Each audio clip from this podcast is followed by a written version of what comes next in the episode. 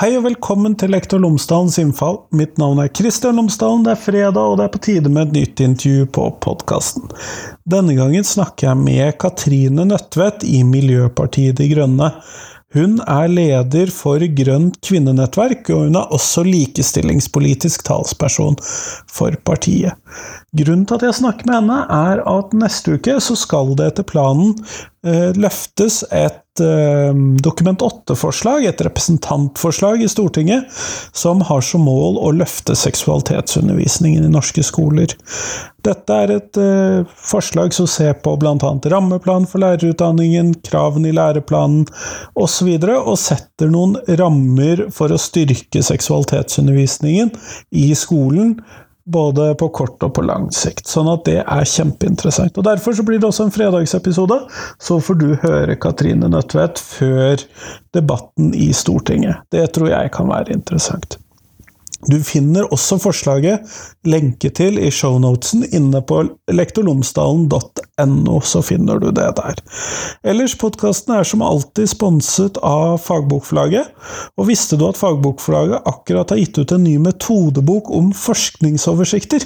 Og hvis du skal skrive en masteroppgave, en bacheloroppgave, eller kanskje til og med en doktorgradsavhandling, sånn som jeg har, så sitter du der med mye, enormt mye kunnskap, mye informasjon, mye data, og du skal finne ut hva som er viktig for deg, og da trenger du den boken. Den heter, kreativt nok, Forskningsoversikter i utdanningsvitenskap, og vi vil anbefale den til alle studenter på lærerutdanningen og innenfor pedagogiske fag. Og denne podkasten er jo sponset av Fagbokflagget, og det gjør de fordi at de tenker at jeg tar opp viktige temaer som angår skole- og lærerutdanning. Og dere som hører på podkasten, er opptatt av det samme som Fagbokflagget, Hvordan ny forskning kan påvirke og forbedre praksis i skolen. Og forfatterne til forlaget er ofte gjester i podkasten, og det er jo selvfølgelig fordi at de er, har mye klokt å si, og de er opptatt av skole og utdanning. Men nå, nå får du høre Katrine Nødtvedt, vær så god.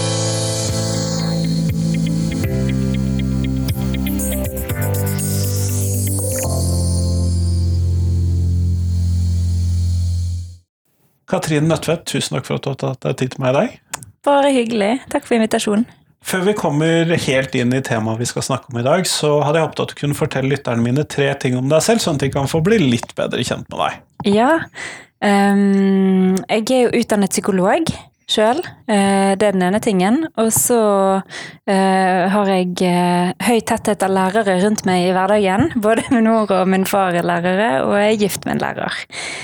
Høy tetthet, ja. Meget. Uh, og, og, så er jeg gravid for tiden med første barnet.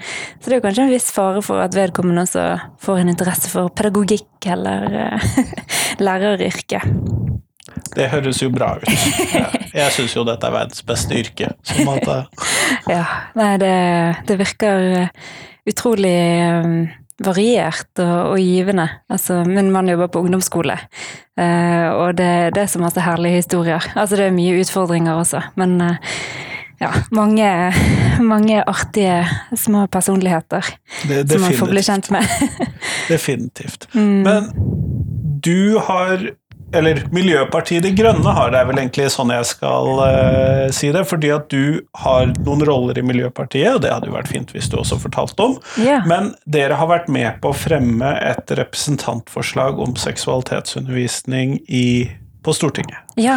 Så hvis vi først tar hvilke roller har du i Miljøpartiet, og så tar vi da eh, ja. dette representantforslaget? Ja, det som er relevant eh, i denne sammenhengen, er jo at jeg er leder for Grønt kvinnenettverk. Eh, og vi har bidratt eh, til å utvikle dette representantforslaget, da. Ehm, så det er delvis et initiativ fra oss. Og så er jeg ehm, likestillingspolitisk talsperson for MDG, eh, og så er jeg jo aktiv i lokalpolitikken som bystyrerepresentant her i, i Bergen. Ja, det er vel noen som har sett deg i BT der, ja. det kan være. Men dette representantforslaget, hva handler dette om? Eh, det går jo ut på å eh, sette seg som mål å eh, innføre et nasjonalt løft for seksualitetsundervisningen. Og det baserer seg bl.a. på den nyeste undersøkelsen fra Sex og samfunn i 2022, der man spurte både lærere og elever i grunnskolen om hva de eh, syns om innholdet og kvaliteten i seksualundervisningen. Er det nok? Eh, hvem er det som gir det? Hvem skulle man ønske at eh, ga det? Og Um, og der ser man jo en del forbedringspunkter, uh, selv om uh, det, er, det, er, mye som, uh, som gjøres i dag òg. Og, um, og det lærere virker som at man har en del forskjellige ressurser å spille på sånn, når man skal utarbeide denne typen undervisning. Eh, men, eh, eh, men elevene ønsker seg jo mer. Sant? Mer av alt. Og lærerne ønsker seg gjerne mer kompetanse inn i utdanningsløpet. Mer tilgjengelighet på støttespillere, f.eks. For i form av helsesykepleiere. Noen bruker også eksterne aktører. Så ja.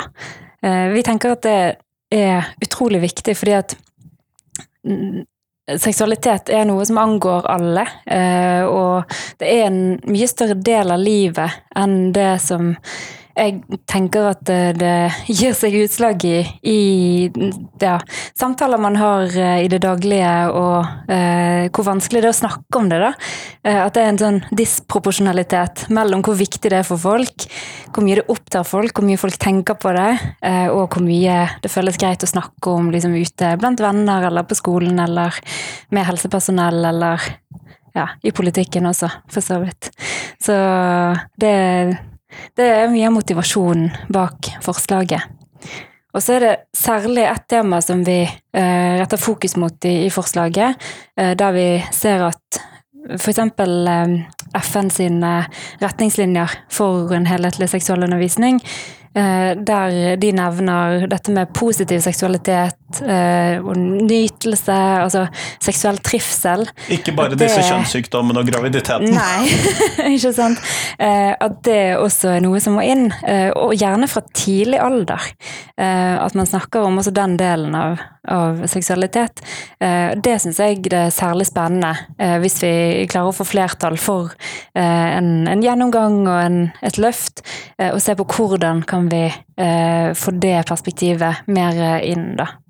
Ja, for denne her, hva skal vi kalle kampen mot graviditeten, eh, den har jo vært en del av seksualitetsundervisningen i jeg skal ikke si 100 år, altså, men la oss si 100 år. Ja, kanskje Den har lenger. vært der en stund. eh, og så har vi fått inn kjønnssykdommer og kampen mot det. Det var der veldig når jeg gikk på skolen. Men dere etterlyser da den disse gladsakene, gladsidene ved seksualiteten også. Ja, ja um, det er jo både fordi at uh, det er viktig i seg sjøl for at folk skal få uh, på en måte en mest mulig positivt forhold til seksualitet og uh, forhold til egen kropp, og at flest mulig kan få et godt seksualliv inn i voksen alder. Tenker vi det er viktig at man vet litt mer om eh, hva er vanlig, og hva er eh, ulike former for eh, seksuelle interesser og eh, måter å, å, ha et sexliv på. Eh, for det er så stor variasjon, eh, og når man ikke snakker om det mangfoldet innenfor et normalt sexliv, og hva det kan bringe med seg av liksom gode opplevelser og god tilknytning eh, mellom partnere og, og nytelse, så er jo bekymringen at mange ender opp med å skamme seg over sexlivet sitt, selv om det egentlig er noe som kunne ha brakt i livskvalitet og, og glede og ja, gode relasjoner. Så det er jo fordi at vi tenker at det er for mye skam og tabu i dag, og at det kan balle på seg da og bli veldig negativt for mange.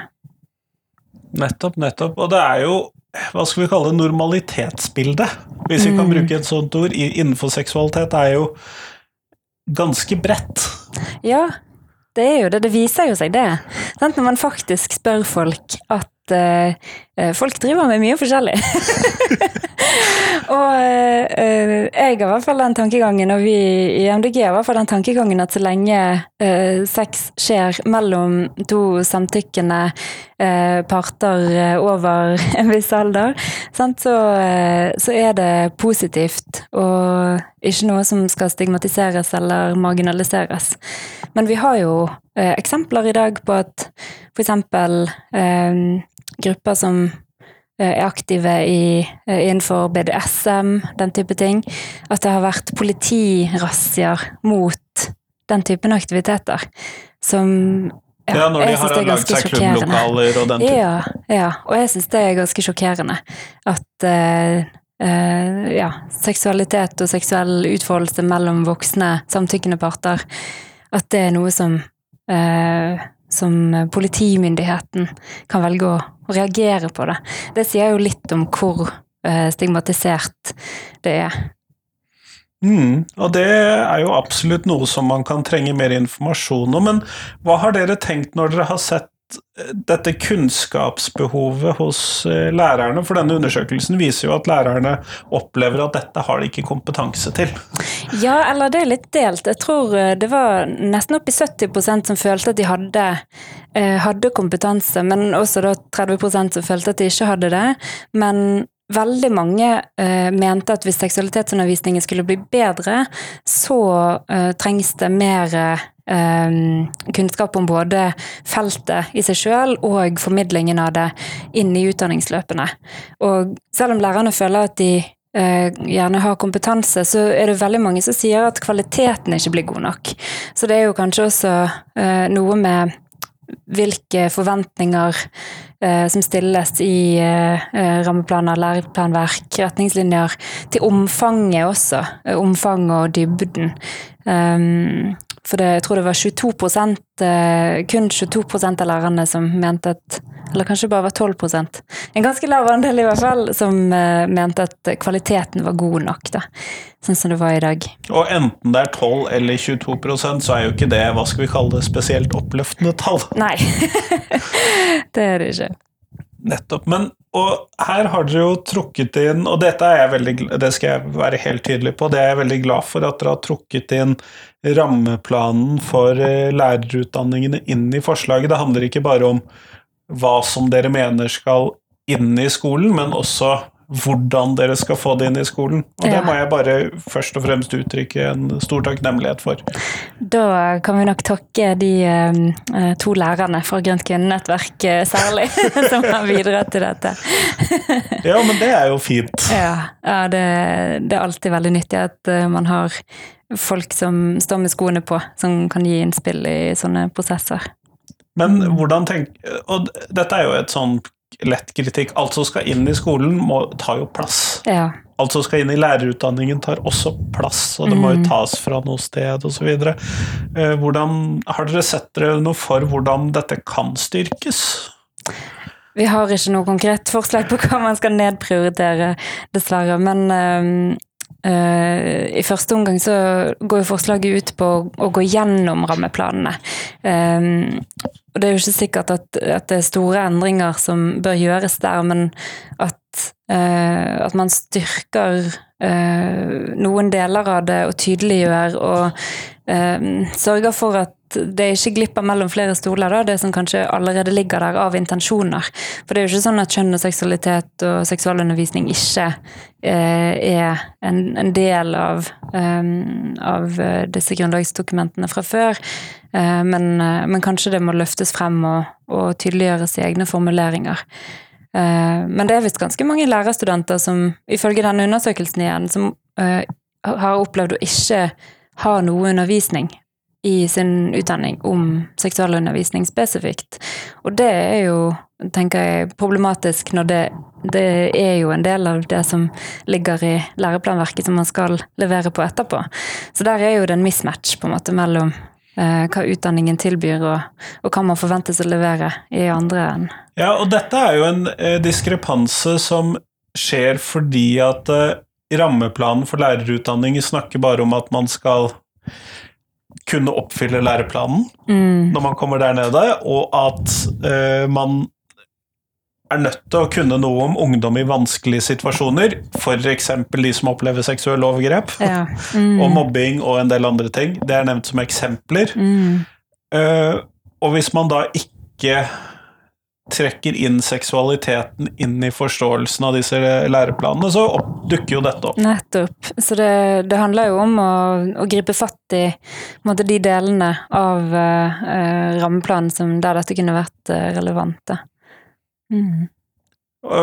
Eh, Men samtidig så er jo dette også et ressursspørsmål både i skolene og i lærerutdanningene osv. Så videre, sånn at det, det må jo på et eller annet vis følge med penger inn i denne biten. Ja, absolutt. Eh, Det ville jo vært helt nødvendig hvis man skulle forvente resultater. Og, men så tenker jeg også at det, det er eh, et veldig viktig felt å prioritere. Nettopp fordi at det er så viktig i livene våre, og det kan, det kan slå så skeivt ut. eh, Både for enkeltpersoner og samfunnet som helhet, hvis, hvis vi ikke gjør dette på en god måte.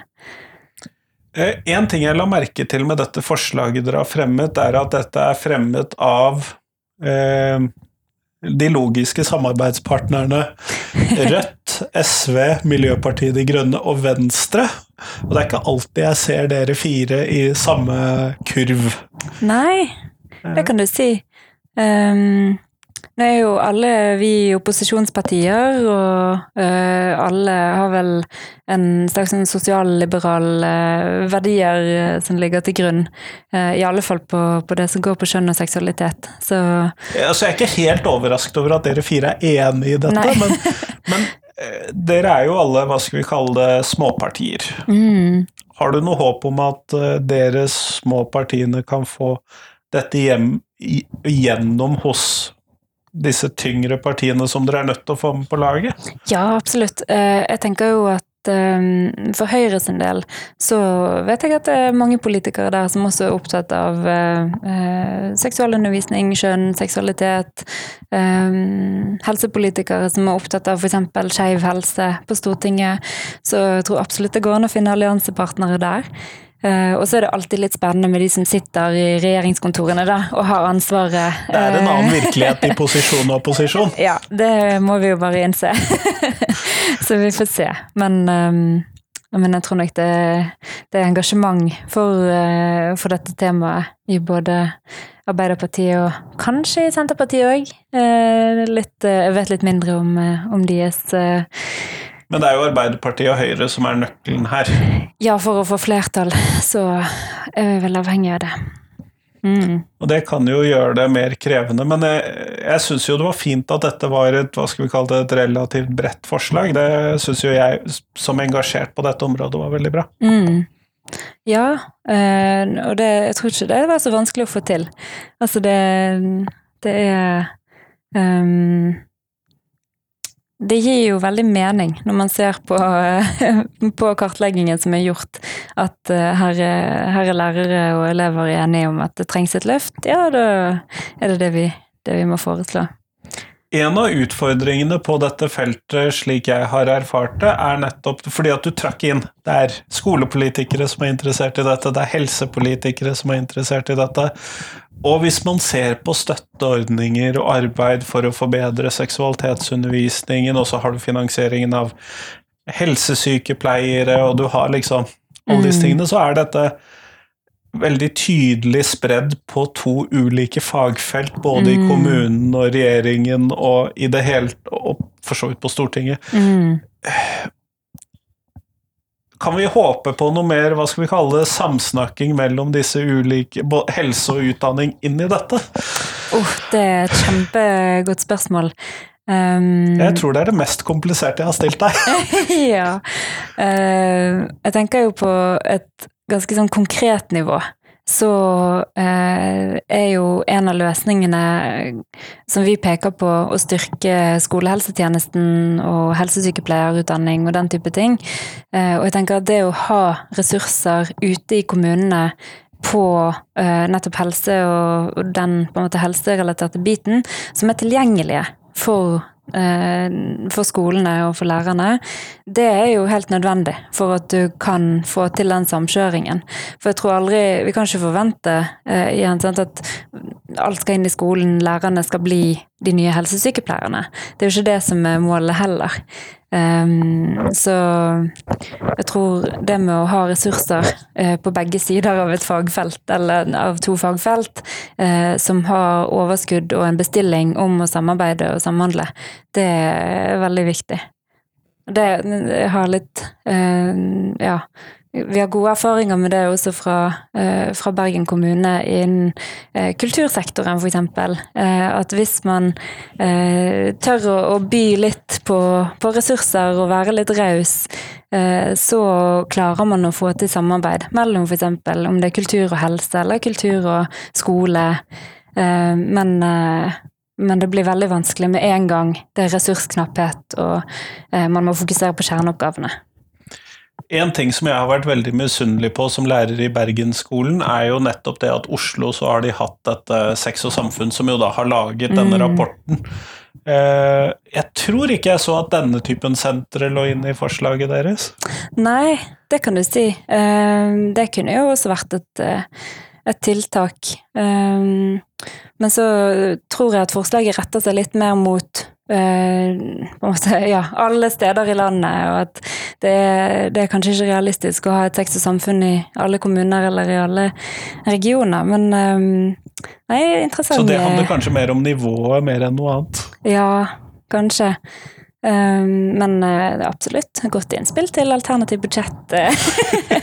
det er. Jeg vet at det har vært snakk om sex og samfunn i Bergen òg, og så tror jeg i vår kommune så har vi beveget oss mer i retning av at Eh, det er helsestasjonene, helsestasjon for ungdom eh, og lavterskeltilbud til ungdom generelt, som har bygget opp den kompetansen som et alternativ.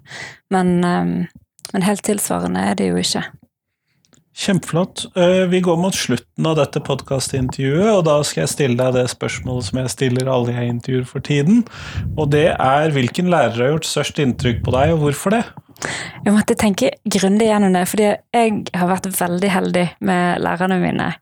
Um, jeg tror ikke det er bare fordi jeg var liksom skoleflinkest og alltid var liksom um, Ja, hadde det litt lett for å få en god relasjon til lærerne. Men, uh, men jeg har hatt veldig masse dyktige lærere både på, uh, på ungdomsskole og videregående særlig. Men uh, hun som nok har gjort det største inntrykket, var klasseforstanderen vår på videregående, som også var norsklæreren vår. Eh, og jeg tror kanskje at det var fordi at hun var en av de som utfordret meg og ga tilbakemeldinger som virkelig gjorde at jeg kunne utvikle meg, da. Eh, norsk var ikke det faget jeg var aller best i, så, og hun eh, klarte å, å motivere eh, gjennom veldig sånn ja, faglig sterk eh, og engasjerende tilbakemelding. Mm. Og så var hun en veldig herlig person Altså da. det hjelper jo alltid. Det hjelper. Kjempeflott. Tusen takk for at du tok deg tid til meg i dag. Tusen takk for at jeg fikk komme.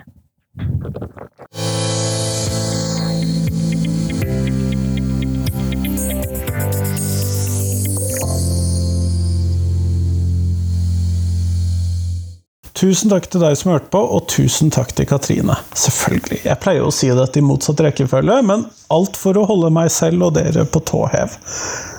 Nå er det en uke, eller det vil si det er fram til tirsdag, så kommer det en ny episode på podkasten. Det tror jeg blir spennende som alltid.